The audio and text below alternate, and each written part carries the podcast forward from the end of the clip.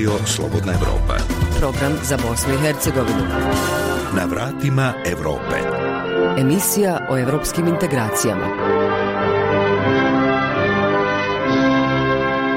Dobar dan, ja sam Lejla Omeregić-Ćatić i s vama sam narednih pola sata tokom kojih će biti riječi o temama koje se odnose na približavanje Bosne i Hercegovine standardima Evropske unije. U ovoj emisiji govorit ćemo o obnovljivoj energiji, programima Europske unije za pokretanje biznisa, te o značaju inkluzije kao i pravima osoba sa invaliditetom uz podršku i razmjenu iskustava sa nekim od zemalja Europske unije. Pa ćemo tako saznati da li se u Bosni i Hercegovini razmišlja o čistom vodiku kao izvoru energije predsjednik Vanjsko-trgovinske komore BiH Vjekoslav Vuković. Već se krenulo sa tim projektima kako u pripremama proizvodnje tekućeg vodika iz obnovljivih izvora energije. Puni smo dakle energije iz vjetra, vode, solarne energije, ali naravno i otpada iz kojeg se proizvodi biomasa, a zatim plin koji pravi tekući vodik. Govorit ćemo i o projektu grijanje zajednica obnovljivom energijom Renew Hit, koji je proglašen najboljim projektom Evropske unije, kao i o tome kako bosansko-hercegovački privrednici mogu doći do financijske podrške kroz programe EU.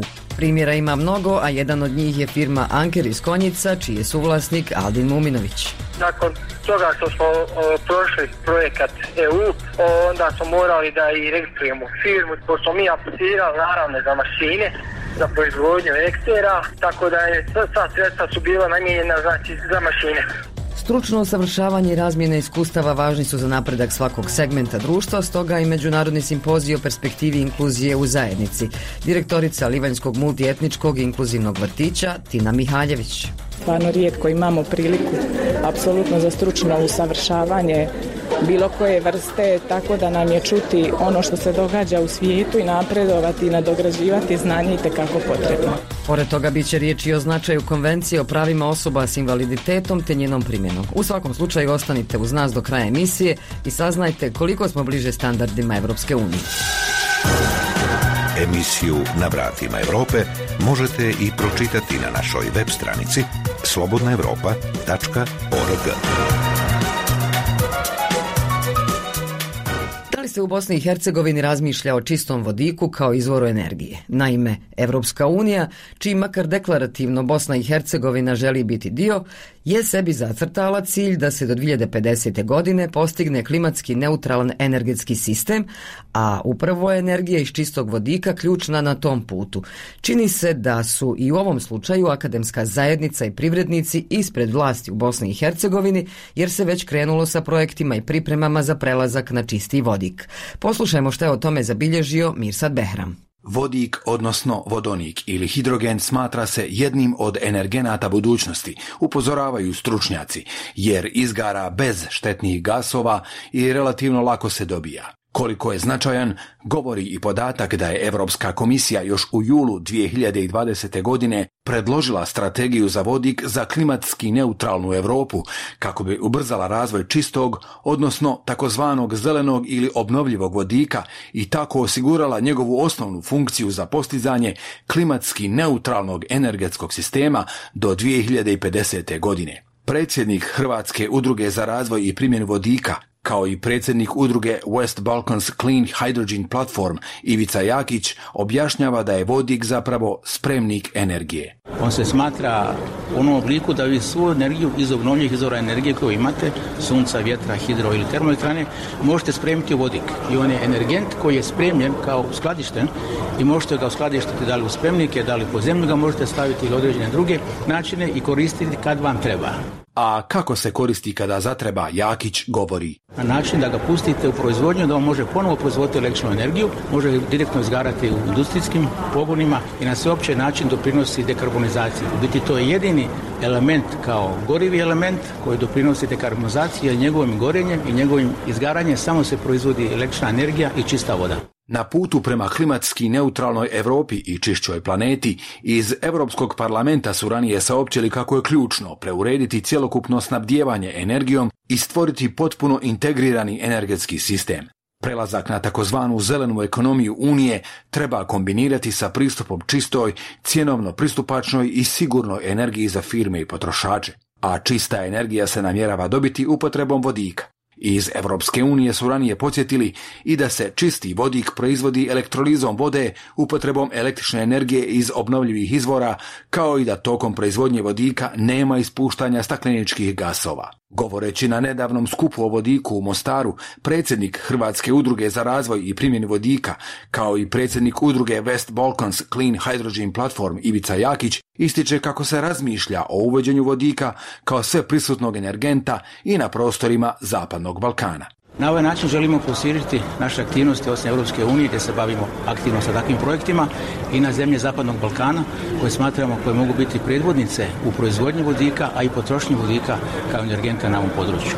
O vodiku kao energentu u Bosni i Hercegovini se već razmišlja, tvrdi Vjekoslav Vuković, predsjednik Vanjsko-trgovinske komore BiH.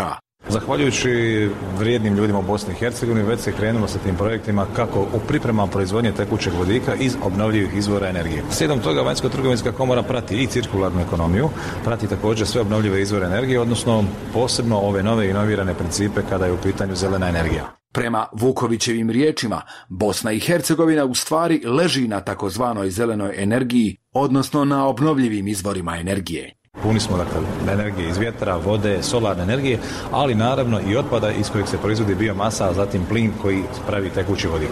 Sve su to izvori dakle za dobijanje tečnog vodika koji se, kako ističu stručnjaci, može koristiti kao gorivo za gorive čelije ili direktno u kotlovima za dobijanje vodene pare, te pogonsko gorivo toplotnih motora.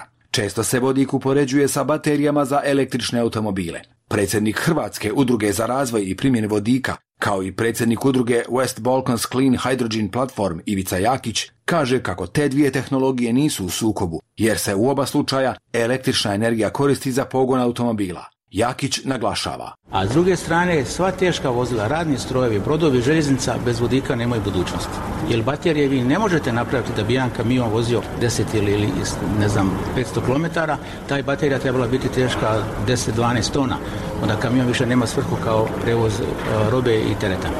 Šta više, upotreba vodika u saobraćaju u Bosni i Hercegovini bi dovela do značajnih ušteda, ističe Vjekoslav Vuković iz Vanjsko-trgovinske komore Bosne i Hercegovine. Jedno teretno motorno vozilo u Bosni i Hercegovini opterećeno je sa 3,5 tisuće konvertibilnih maraka različitih davanja i nameta, barem da uštedimo na cijenama goriva, cijene transporta, prevoza i svega ostalog. Naravno, ne zaboravimo ekologiju i našu osvješćenost u tom kontekstu, te da smanjimo svaku emisiju CO2 u Bosni i Hercegovini. Međutim, postavlja se pitanje koliko je Bosna i Hercegovina daleko od aktivnog rada na uvođenju čistog vodika kao ključnog energenta. Vjekoslav Vuković iz Vanjsko-trgovinske komore Bosne i Hercegovine kaže, kao i obično, problem je sporog administrativnog prilagođavanja u Bosni i Hercegovini. Očito danas kao je akademska zajednica da su gospodarstvenici mnogo brži u inovacijama i primjenama tih inovacijskih tehnologija za razvoj svog vlastitog gospodarstva, biznisa, a naravno i društvene zajednice u cijelosti mnogo brži nego što je to država. Prema tome mi ovo moramo ubrzati, ove procese, prilagodbu i izvršiti na neki način, pod navodnicima, pritisak na tijela vlasti u Bosni i Hercegovini da počne primjenjivati ova pravila i donositi ove pravilnike kojima smanjujemo dekarbonizaciju i rješavamo pitanje izvora energije kao primarnih energenata u Bosni i Hercegovini. Za Radio Slobodna Europa iz Mostara, Mirsad Behram. Projekat Renew Hit, koji je implementirala razvojna agencija Unsko-Sanskog kantona zajedno sa regionalnom energetskom agencijom Sjeverozapadne Hrvatske, proglašen je najboljim projektom Europske unije. Projekat je realizovan u Cazinu i Karlovačkoj županiji, a među rezultatima su uspostava sistema grijanja u sportskoj dvorani Cazin te rekonstrukcija sistema grijanja u zgradi kulturnog centra Cazin i u srednjoj školi Dugaresa. O kakvom projektu je riječ, zabilježila je Azra Bajrić. Zahvaljujući projektu Grijanje zajednica obnovljivom energijom Renew Heat, kulturni centar i sportska dvorana u Cazinu dobili su sisteme grijanja na biomasu. Direktori ovih ustanova Ermin Beganović i Semir Pehlić. Kulturni centar je zamijenio postojeću peć, to jest kotao koji je do tada funkcionisao putem ložulja, a sada je nabavljen kotao koji funkcioniše na potrošnju biomase, što je definitivno ekološki mnogo, mnogo prihvatljivije rješenja, a rješenje definitivno i sa ovog aspekta financijskih e, nekakvih osobina, gdje se evo, već nakon dvije sezone pokazalo da je ovo mnogo efektniji i štedljiviji način grijanja javne ustanove Kulturni centar Cazin. Mi smo u našoj dvorani obuhvaćeni sa dva kotla po 250 kW na pelet. Vrlo smo zadovoljni, svi naši korisnici.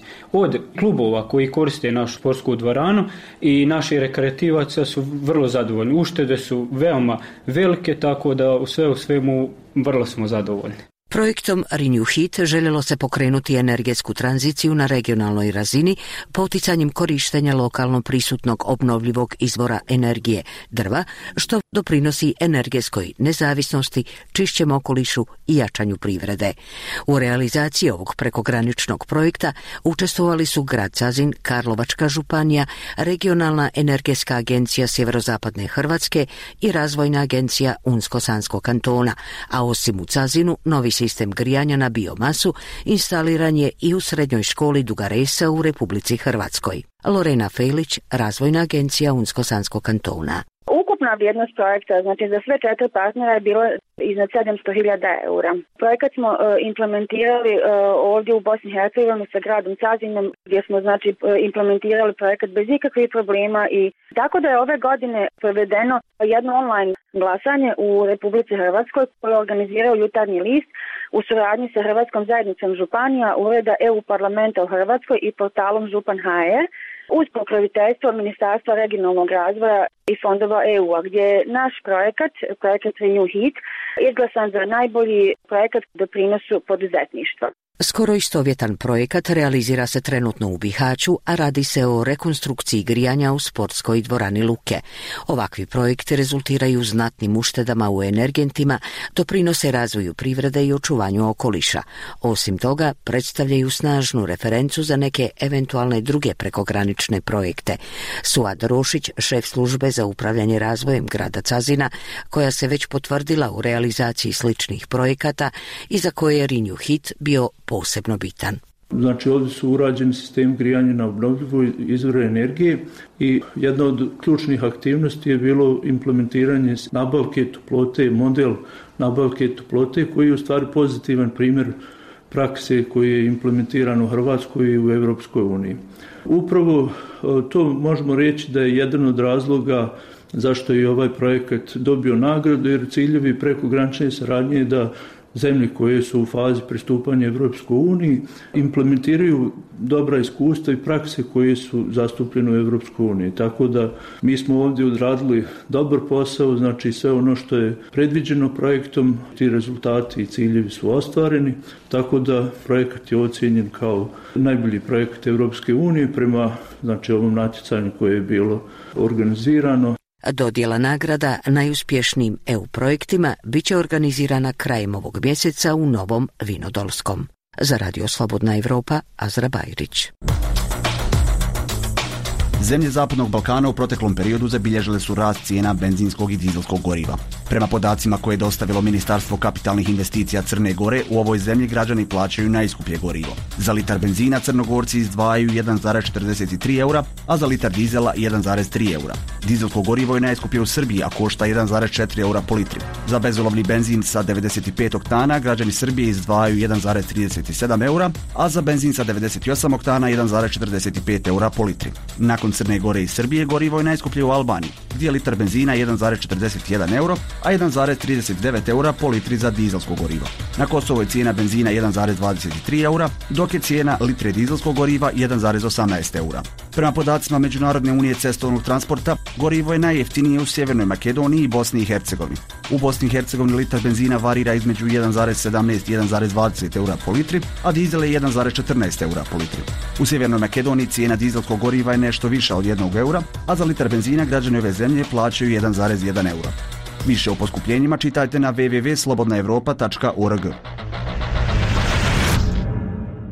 Privrednici u Bosni i Hercegovini dobijaju finansijsku podršku za unapređenje poslovanja ili pokretanja biznisa kroz različite programe Europske unije. Renomirana gračanička firma za proizvodnju kotlova na pelet dobila je podršku za unapređenje sistema zavarivanja. Mali pogon u Konjicu nabavio je mašine za proizvodnju eksera, dok je u Sarajevu pojedinac pokrenuo digitalnu platformu za dostavljanje lijekova na kućnu adresu.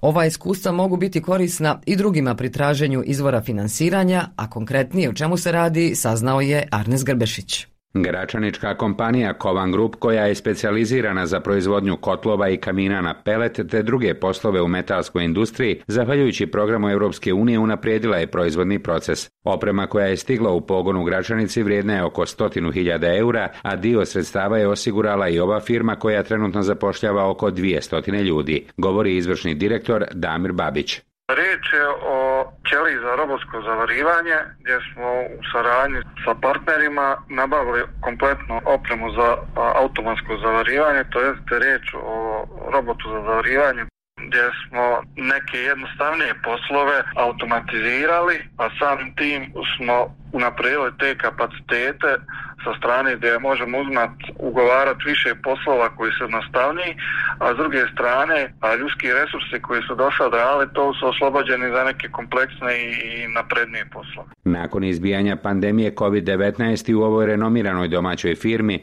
kojoj je tržište Europske unije najvažnije strano odredište, značajno se smanjio obim posla, dok nije došlo do otpuštanja radnika. Pored proizvodnje kotlova za inostrane kupce se po narudžbi prave i čelične konstrukcije te drugi metalni proizvodi koji dijelom nastaju i zahvaljujući automatiziranoj liniji za zavarivanje.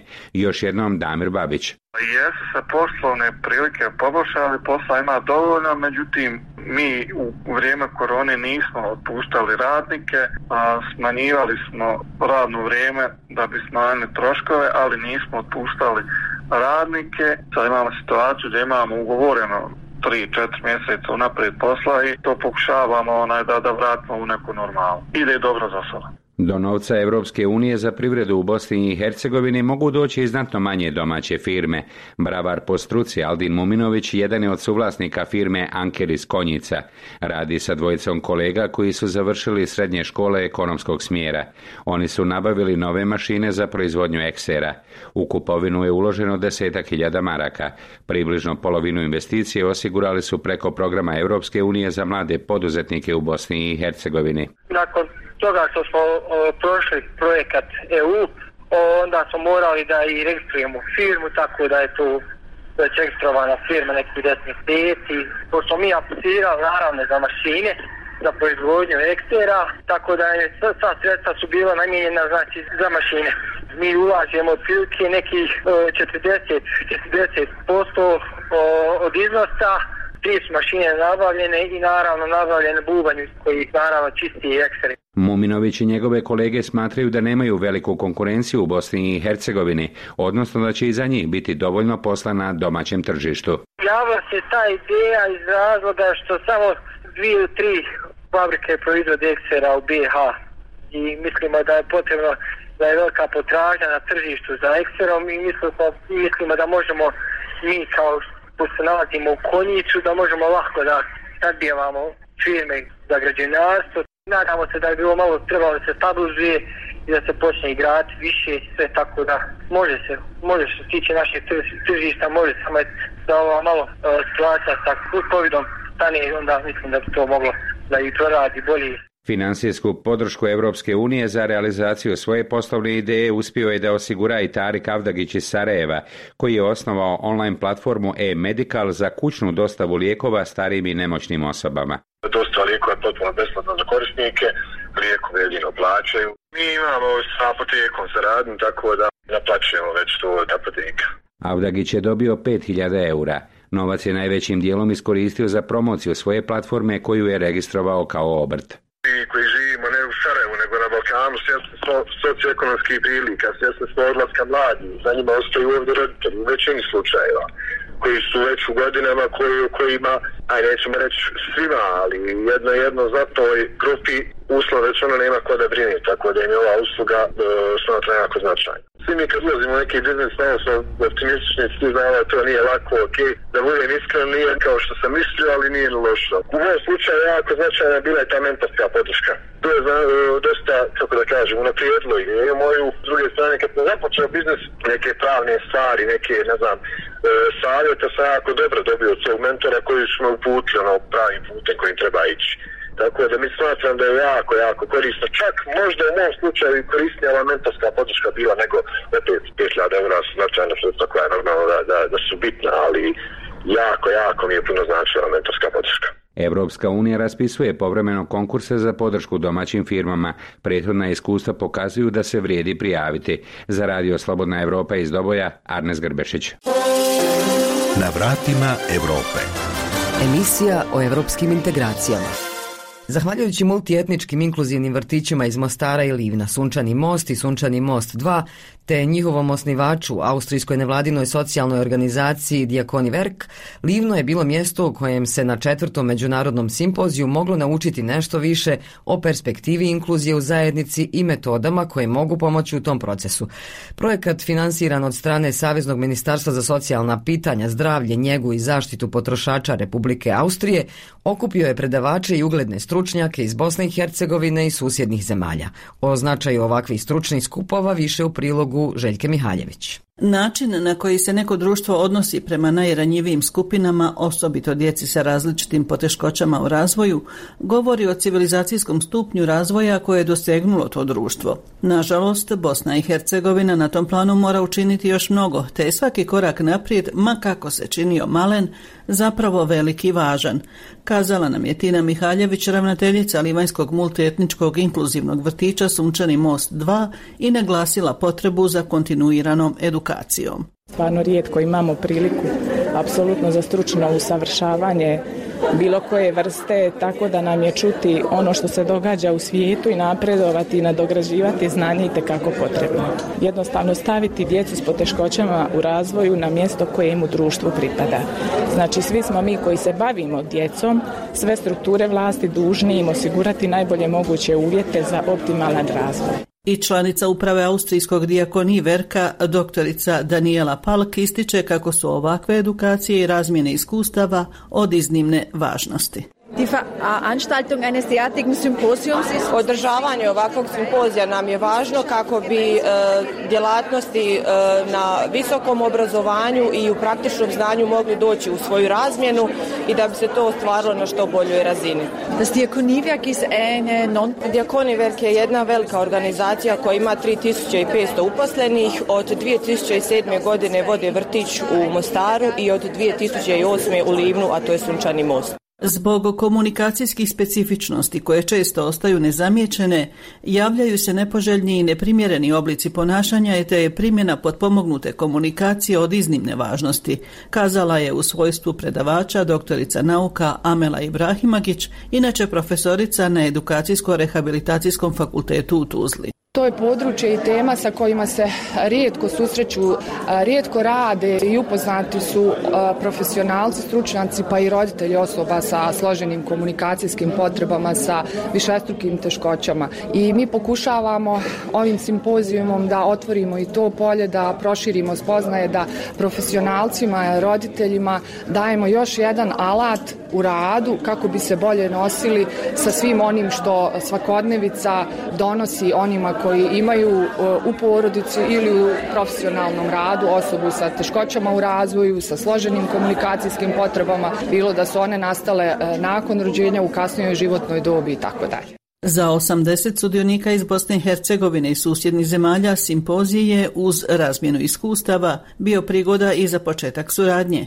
To što je Hrvatska u Europskoj uniji, a Bosna i Hercegovina nije, ne bi trebala biti nikakva prepreka, kazala nam je defektologinja Centra za autizam u Splitu Tanja Mavrak. Došli smo ovdje kolegica Ivana Borojević i ja, e, prvenstveno zato što je zapravo smo mi jako blizu, a nekako smo jako i daleko, jeli, i ovaj, upravo zbog te nekakve geografske povezanosti mislim da bi trebali puno bolje surađivati jer imamo vrlo, vrlo slične probleme i sa vrlo sličnim stvarima se nosimo, tako da, da ja vjerujem da je suradnja sa ljudima koji su u našoj okolini i čak i imamo i djecu koja dolazi na procjenu iz cijele zapadno-hercegovačke županije, tako da mislim da je vrlo važno da se, da se povežemo, e, da razmijenimo iskustva, da naučimo nešto novo, simpozije međunarodni, u svakom slučaju kad god imamo priliku nešto naučiti, dođemo. S obzirom da je Austrija po pitanju inkluzije daleko ispred Bosne i Hercegovine, pitamo doktoricu Palk ne misli li da je u Bosni i Hercegovini premalo takvih institucija?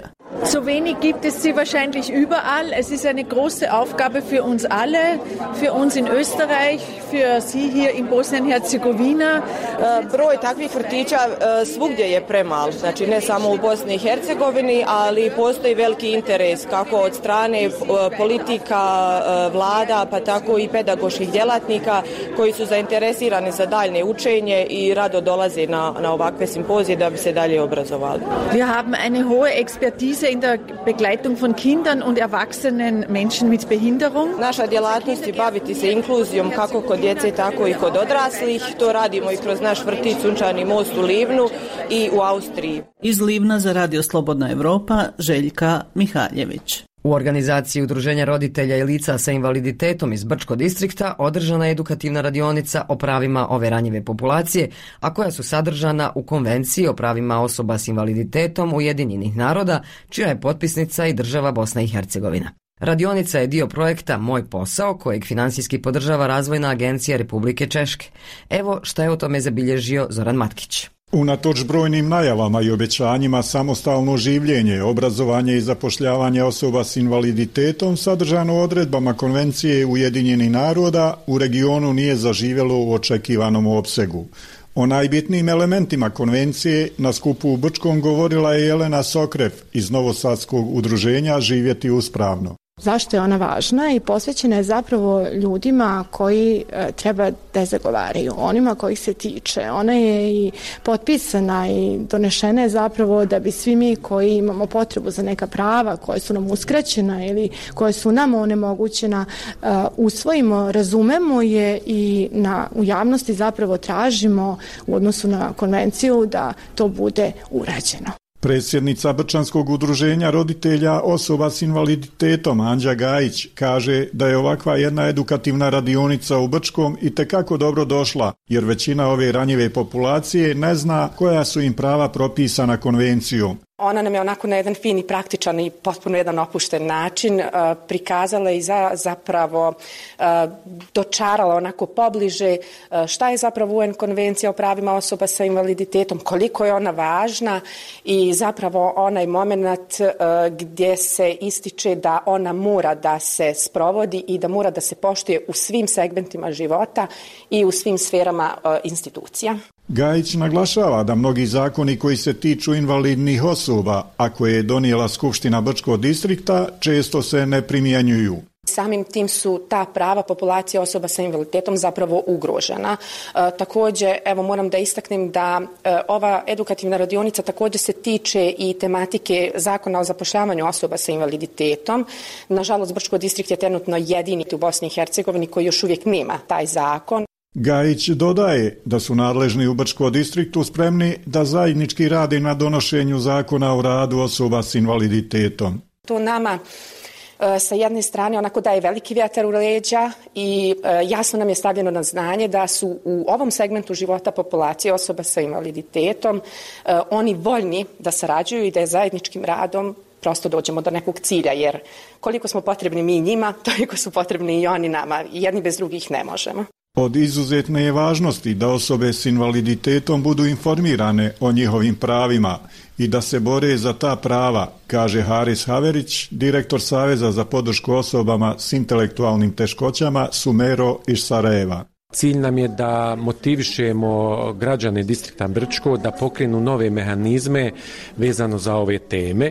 Sama radionca po sebi ako ne e, urodi da se nešto pokrene ne znači ništa. Tako da mi odgovorno možemo reći da smo poslije ovakvih radionica u mnogim krajima Bosne i Hercegovine pokrenuli izuzetno mnoge procese, tako da možemo vidjeti e, stanovanje u zajednici, asistenciju, zapošljavanje. Jelena Sokrev iz Novosadskog udruženja Živjeti uspravno naglašava da se primjena odredbi Konvencije o pravima osoba s invaliditetom Ujedinjenih naroda tiče svi u nas. Ono što je važno jeste da shvatimo da sve što radimo, radimo zbog svih nas. I bilo koji zakon i bilo koja konvencija i bilo što što usvojimo za pravo nekog čoveka, usvojili smo pravo za nas same. Za Radio Slobodna Europa iz Brčkova distrikta, Zoran Matkić.